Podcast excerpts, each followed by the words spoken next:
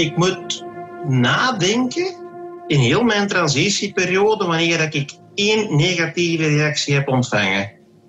Moet ze nog altijd krijgen. Dit is Gilles Wuits. Ik zeg tegen iedereen van mijn vrienden van vroeger van, je moet me niet als, iemand- als een ander geslacht zien. Ik ben nog altijd dezelfde persoon. Hè? Gilles is een transvrouw.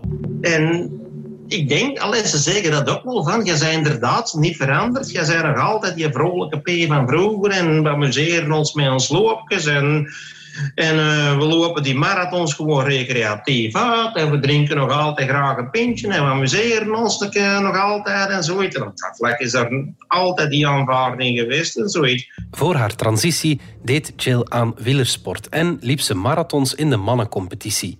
Nu neemt ze met evenveel enthousiasme deel aan loopwedstrijden in de vrouwencompetitie. eigenlijk op dat vlak is mijn transitie en mijn inclusie, die is, ja, die is, die, is duizend keer vlotter verlopen dan ik zelf maar had kunnen dromen zelfs. Zeker na de operatie was dat echt van, ah ja, natuurlijk neem je bij ons deel. Dat de Nieuw-Zeelandse gewichthefster Laurel Hubbard straks de eerste transgender atlete wordt op de Olympische Spelen, is voor Gilles Wuits en de transgemeenschap een belangrijk symbool. Maar de deelname van Hubbard kent ook tegenstanders en lokt een fel debat uit. Hoe kun je mannen en vrouwen van elkaar onderscheiden om een faire sportcompetitie te organiseren? En overschatten we daarbij de rol van testosteron? Het is vrijdag 16 juli. Ik ben Alexander Lippenveld en dit is vandaag de dagelijkse podcast van de Standaard.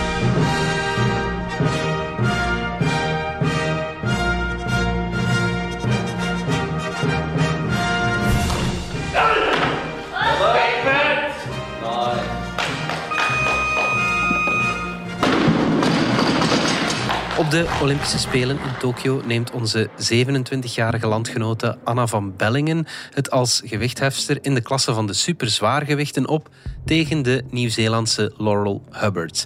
Maxi Eckert van onze wetenschapsredactie. Wie is Laurel Hubbard? Ja, Hubbard is uh, de eerste transatlete die deelneemt aan de Olympische Spelen. Of toch, moeten we zeggen, de eerste officiële transatlete. Mm -hmm. Want er zijn in het verleden ook al... Um, ja, hoe moet ik het zeggen, discussies of heibel uh, geweest over mannen en vrouwen die um, geboren zijn met het andere geslacht dan dat ze wilden deelnemen aan de Spelen. Mm -hmm. Zo was er in 1936. Oké, okay, dat is al een tijdje geleden. Ja, dat is echt lang geleden. Ja. Toen was er al heibel over uh, twee atleten die als vrouw geboren waren, maar die als man wilden deelnemen. Oh ja. Onder andere een uh, Britse kogelstoter, Mark Weston. Mm -hmm. En toen is eigenlijk de hele discussie begonnen over um, wat is oneerlijke competitie, wat is fraude. Mm. En ja, daar gaat het nu uiteindelijk ook weer over, hè, die discussie over Hubbard. Mm. Um, dat is een, uh, een transvrouw uh, van uh, in de 40. ze onderging haar transitie als dertiger in 2013. En daarvoor uh, was ze al gewichtsheffer in Nieuw-Zeeland. Maar dan uh, nam Hubbard dus nog deel als man aan de competitie. Ja. En in 2017 nam ze dan uh, ook deel aan internationale sporttoernooien. Ze won in haar gewichtsklasse meerdere titels. In 2020 won Hubbard goud op het WK gewichtsheffen in Rome. Ja. En dat was meteen ook al kwalificatie voor de Olympische Spelen die dit jaar ja. plaatsvinden. Um, vroeger was Hubbard bij voorbaat uitgesloten hè, van de Olympische Spelen? Ja, dat klopt. Um, want de regelingen voor transatleten zijn eigenlijk nog relatief nieuw. Mm -hmm. In 2003 was er uh, binnen het uh, Internationaal Olympisch Comité een eerste consensus, de consensus van Stockholm, over de voorwaarden voor um, transvrouwen die wilden deelnemen aan de Spelen. -hmm. Toen ging het om drie belangrijke voorwaarden. Ten eerste een geslachtsoperatie. Ten tweede de juridische erkenning van het nieuwe geslacht. En een hormoontherapie die al minstens twee jaar uh, liep. Ja. ja, maar er was dan ook best wel wat kritiek op. Want ja, een juridische erkenning ligt in veel landen moeilijk. -hmm. Hetzelfde ook met een operatie trouwens. Het zijn dure operaties en die zijn niet voor iedereen toegankelijk. Ja. Ja, en bovendien verandert de operatie, een geslachtsoperatie verandert ook niets aan uh, sportprestaties.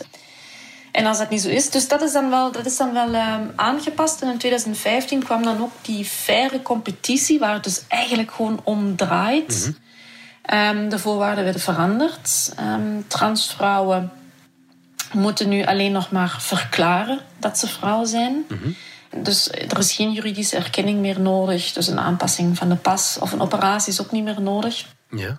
En als tweede belangrijke voorwaarde, de transvrouw moet een testosteronwaarde omlaag krijgen. Die moet duurzaam en minstens een jaar onder 10 nanomol per liter liggen. Ja. Wat ik er ook nog even bij wil zeggen, want dat is misschien ook wel interessant. Uh, trans mannen die als meisje zijn geboren Mhm.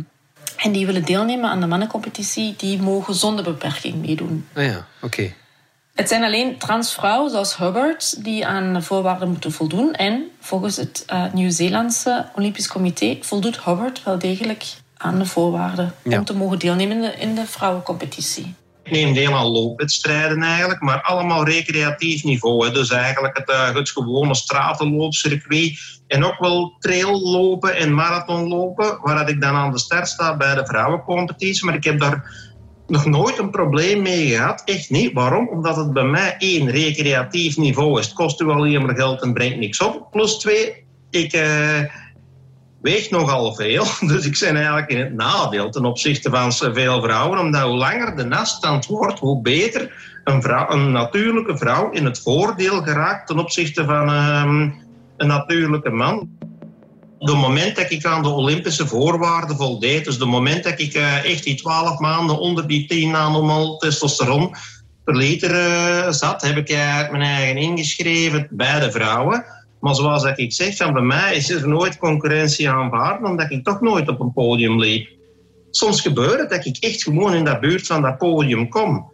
Het is zelfs ooit geweten, en dat is een verhaal dat klopt echt, een heel recreatieve marathon in Nederland. Eh, daar deden maar vier vrouwen mee. En toen was ik nog maar juist uit de kast, dus zelfs nog niet op hormonen of niks deelgenomen bij de mannen. En omdat iedereen wist dat ik in transitie was en het niveau daar toch heel recreatief was, dat je een organisator dus echt naar mij kwam zeggen: houd u gereed voor het podium, want je bent derde. Ja, ik heb natuurlijk verschieten. Ehm, en gezegd van, ja maar ho, doen er dan maar drie mee of zo? Nee, nee, er doen er vier mee, maar jij bent derde. Ja, dan heb ik zelf natuurlijk gezegd, ja nee, kop, dit, dit gaat mijn stap te ver. Eh, vooral omdat ik de nummer vier persoonlijk kende. En toen heb ik zelf gevraagd voor mij te declasseren naar de, naar de vierde plaats. Dus naar de laatste plaats. Ik was ingeschreven bij de mannen. En ze roepen mij als vrouw op het podium. Dus dat was wel echt zo van, wow, wat gebeurt hier allemaal? Ik was nog maar juist uit de kast. Dus de- aan mij was ook nog niks te zien van vrouwelijke vormen. Dat was gewoon, ik zei zelf, ik ben een vrouw ja, hallo, eh, dan, dan op een podium gaan staan van hé, hey, hier ben ik eh, eventjes. en Zo, dat, dat was mij deontologisch gezien eh, echt wel een stap te ver. Die toiletten, dat is vanaf de dag dat ik uit de kast ben gekomen geen één probleem geweest. Die douches hebben we natuurlijk ook wel, eh, laten we zeggen, dikke 90% zegt van, oh ja, na de operatie wel te verstaan. Hè. Na die operatie, ja natuurlijk, je zet toch een vrouw, komt toch gewoon bij ons. Dus dat was geen probleem. En hoe los ik dat praktisch op? Ik, ik, eh, je zei altijd wel met een paar mensen en zoiets. Ik zeg gewoon weg van, ga eens even binnen. Zeg eens dat er iemand gaat binnenkomen die is geopereerd. Zeg, eh, geen bang hebben. En eh, als er iemand is dat daar een probleem mee heeft, dan wacht ik gewoon even buiten, dat die persoon buiten is en klaar. Hè. En eigenlijk is dat nooit een probleem geweest. Er zijn veel te veel transvrouwen in mijn ogen. Hè, die zeggen van, ik voel me vrouw, dus ik ben vrouw, dus ik, jij aanvaardt mij als een vrouw. Dus, en hier is even op tafel staan dansen van, ik ben vrouw. Ja, nee, zo werkt niet. Het is, you don't get respect, you earn respect. Jill Wuits voelt zich als transvrouw welkom in de vrouwencompetitie waar ze als loopster aan deelneemt, zegt ze. Maar dat geldt minder voor Hubbard. Hè. Maxi, waarom is er zoveel controverse over? Ja, dat gaat dus precies over de vraag: is het dan nog wel een faire wedstrijd als Robert deelneemt? Ehm, Anna van Bellingen die vindt van niet. Haar trainer heeft ook gereageerd. Die zei: Tom Goegebeur heet hij. Ja. Dat haar postuur, dus dat van Hubbard, niet verdwijnt door een lager testosterongehalte. En daar heeft hij wel degelijk een punt. Want ook uh, Guy Choen, diensthoofd endocrinologie aan het UZ Gent, zegt dat ja, die biologische voordelen die Hubbard heeft, doordat ze lang een man is geweest en dus ook het postuur heeft van een man, ja, dat, dat, dat kan je niet ontkennen dat dat, dat dat in haar voordeel zal spelen. Ja. ze neemt deel aan het gewichtheffen, waar zij in mijn ogen ontegensprekelijk nog een voordeel heeft omwille van haar morfologie. En twee, ze is pas op haar 35, dat ik begrepen heb, begonnen met hormonen natuurlijk. Die is helemaal door de puberteit gegaan. Die gestel is helemaal mannelijk ontwikkeld, is helemaal uitgegroeid. Die heeft nu eenmaal een voordeel. En ze beantwoordt inderdaad aan de reglementen van het IOC, maar zelfs dat is een heel grijze zone. Transvrouwen, waarbij de transitie pas na de puberteit heeft plaatsgevonden, zijn groter dan cisgender vrouwen. Dus vrouwen die als vrouw zijn geboren. In de puberteit hebben die uh, transvrouwen, die zich toen nog als jongen ontwikkelden, meer spiermassa ontwikkeld en zijn ook sterker geworden. Ja, en brede heupen of brede schouders, die kun je niet, uh, dat kun je niet wegnemen mhm. door een hormoontherapie natuurlijk. Mhm. Maar als transvrouwen hormoontherapie ondergaan, vermindert hun spierkracht wel. Op drie jaar tijd gaat dat om zo'n 12 procent. Maar daarmee zit je nog altijd boven het niveau van een gemiddelde cisvrouw. Ja, okay. Dus de sportieve kloof eigenlijk tussen mannen en vrouwen... en die er vermoedelijk ook zal zijn tussen transvrouwen en cisvrouwen... Mm die is er. Um, maar die hangt um, wel sterk af van uh, de sport waarover we spreken. We weten dat uh, mannen die roeien of, of die zwemmen die zijn sneller dan vrouwen, maar hun voordeel is relatief kleiner dan andere sporten. En een van de sporten waar die kloof wel heel groot is, ja, laat dat nu net het gewichtsheffen zijn. Het interessante aan gewichtheffen is, je kunt natuurlijk ook heel mooi vergelijken de prestaties van mannen en vrouwen, want je hebt, je hebt gewichtsklassen. Ja. En een man die 69 kilo weegt, kan je dus rechtstreeks vergelijken met een vrouw die 69 kilo weegt. Ja. En dan blijkt dat die wel 30% meer gewicht kan heffen. Ja. En die kloof tussen mannen en vrouwen in de sport, of bij het gewichtheffen specifiek, wordt ook groter naarmate uh, het lichaamsgewicht, dus de gewichtsklasse, toeneemt. Ook Gilles Wuits merkte dat ze spierkracht verloor na haar transitie. Vooral in de explosieve kracht. Die neemt gigantisch af. Dus uh, uh, als je nu zegt zo van heft nog eens een zak van 20 kilo op, dat gaat nog even vrolijk als vroeger. Maar spurt is een brug omhoog bijvoorbeeld. Dat gaat veel minder. Eh, dus je, zei, je, verliest wel degelijk serieus wat spiermassa. Dus ik denk dat je dan zo in bepaalde sport, uh, sporten, zoals de spurt bijvoorbeeld, dat je daar dan echt wel je voordeel verliest. En het moment dat jij naar lange duursporten gaat, zoals die marathon, dat je dan juist in het nadeel bent, omdat jij nog altijd het gewicht van een man hebt natuurlijk. Hè. Als man mogen we toch wel tellen dat er 20% van mijn tijd is afgegaan. Ja, ja, dus... Um, zoals ik zei, van mijn spierkracht, die is gigantisch afgenomen, maar mijn gewicht is spijtig genoeg gebleven. Dus mijn tijden van vroeger, die haal ik gewoon nu niet meer. En dan spreken we echt over een volle marathon met een half uur naar rechter. Hè. Het testosteronniveau van Laurel Hubbard, dat mag maar maximaal 10 nanomol per liter zijn, zoals je daarnet al zei. Maar testosteron, wat is dat eigenlijk exact?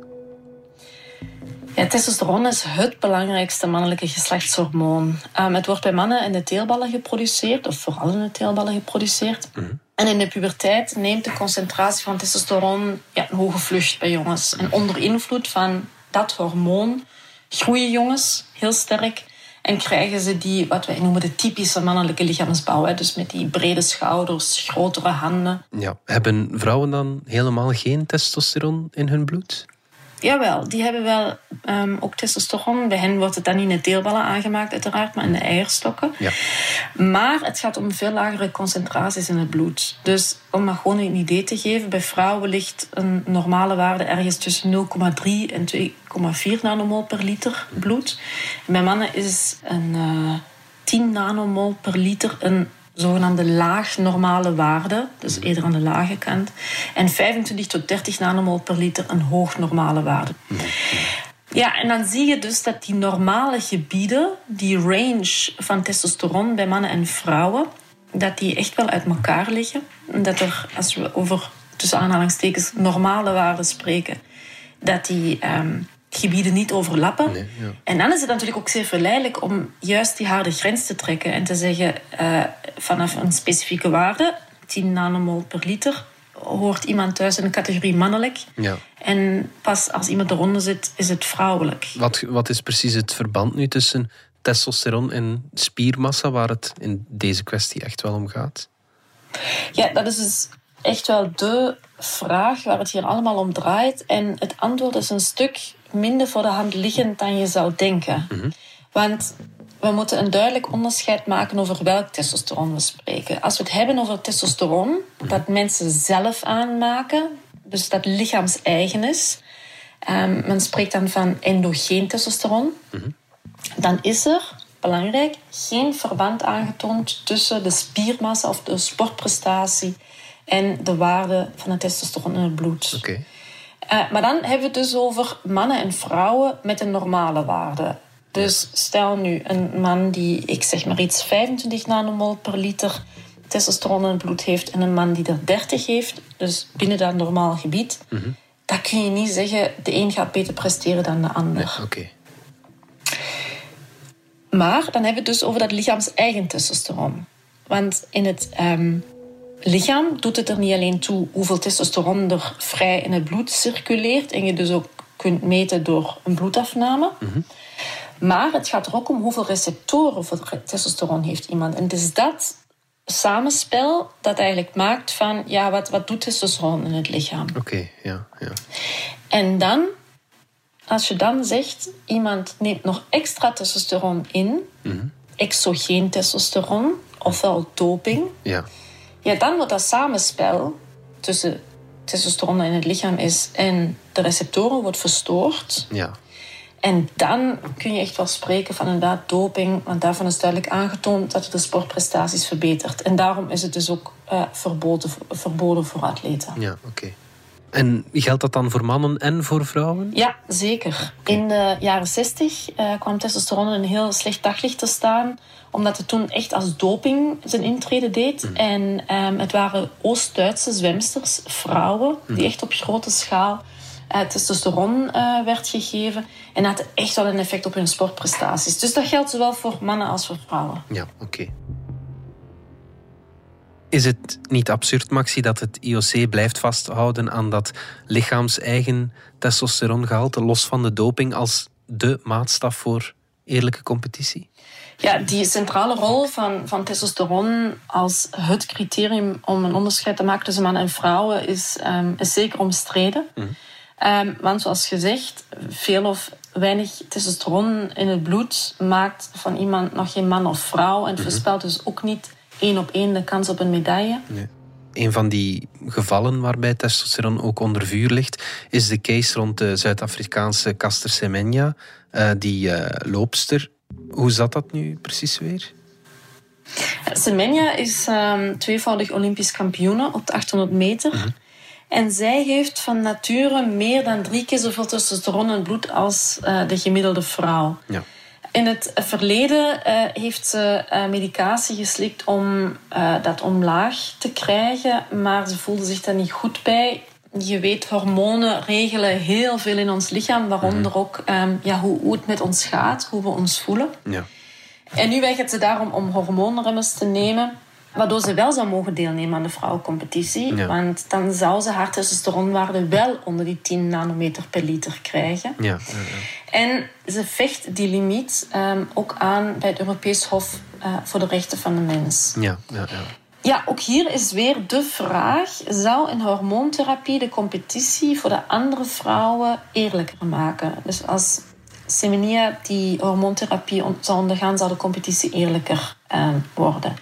En ook daar zegt Gi Chun ja, dat het maar de vraag is, want hier gaat het weer over een persoon die tijdens haar puberteit wel onder invloed stond van een hoge testosteronspiegel in het bloed. En eh, ook weer, eh, tussen aanhalingstekens, voordeel daarmee heeft gedaan en meer in de richting van een typisch mannelijke lichaamsbouw is gegaan. Maar ook dat, ja, kan je dat dan weer weggommen met een hormoontherapie? Dat is dus de vraag. En dat is ook een belangrijk argument in deze case. Dat die hormoontherapie eigenlijk, ja, dat er... Dat maar de vraag is of dat daardoor de competitie eerlijker zal worden.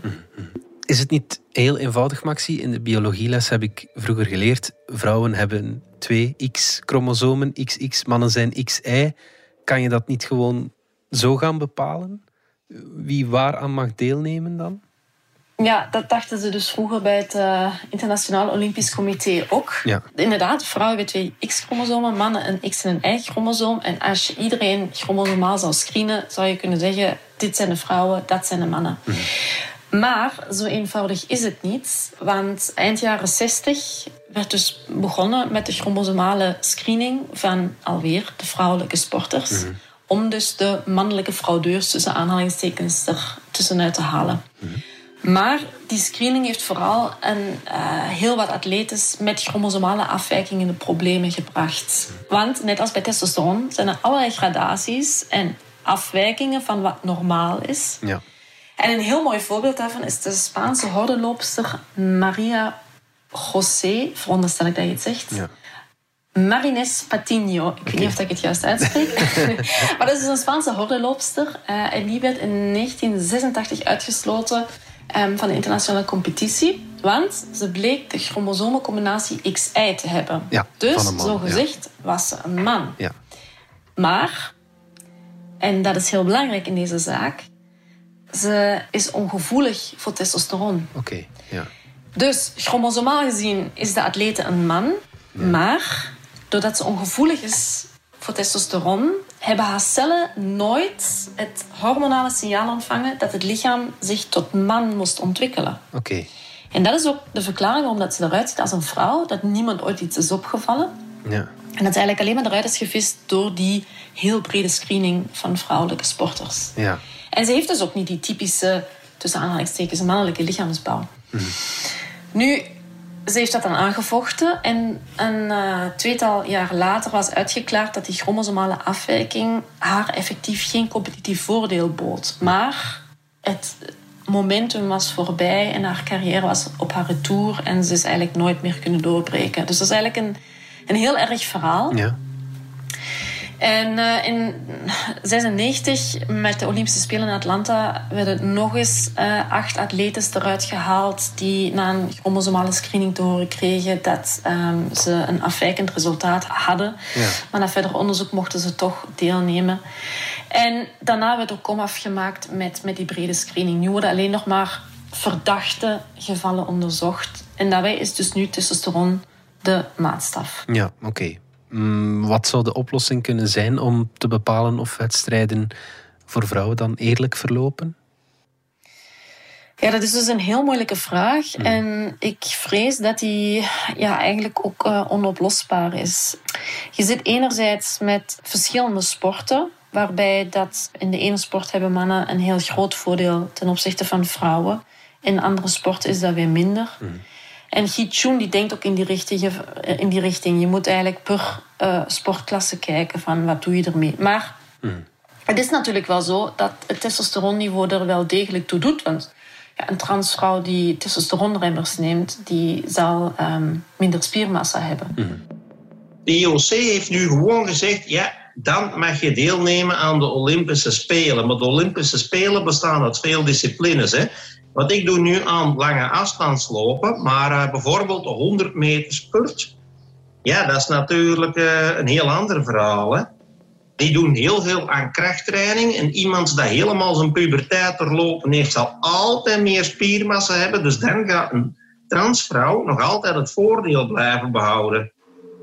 Dus inderdaad, ze gaan dat echt volgens mij in uh, discipline per discipline gaan moeten bezien. En we zitten wereldwijd met zoveel problemen met inclusiviteit, met transgender op de werkvloer, met aanvaarding. Met, als we zo eens even op tafel gaan staan dansen en zeggen Nee, nee, een transvrouw mag overal deelnemen, dus ook een gewichthefster op de Olympische Spelen.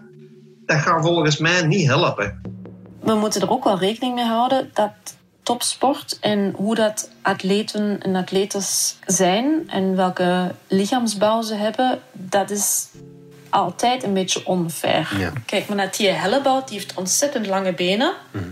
Niemand zal er iets over zeggen, en terecht ook trouwens. Maar um, ja, je ziet ook dat als een vrouw mm, in de puberteit eh, meer testosteron uh, in het bloed heeft dan een andere vrouw, ja, dan heeft, doet ze er ook een voordeel mee, waar je ook kan zeggen, want daar heeft ze niet voor gekozen. Dus het is, een, uh, het is een heel moeilijk vraagstuk en de oplossing, die een heldere oplossing die voor iedereen van toepassing is, die is er niet, nee. vrees ik. Oké, ondertussen uh, wachten we af hoe Laurel Hubbard het doet op deze spelen en uh, kijken we naar alle sportcompetities. Maxi Eckert, dankjewel. Graag gedaan. Dit was vandaag de dagelijkse podcast van De Standaard. Bedankt voor het luisteren. De komende twee weken gaan we er even tussenuit, maar we lezen wel voor u de beste stukken uit ons weekblad van het afgelopen jaar voor. Reageren kan via podcast.standaard.be. Alle credits vind je op standaard.be-podcast.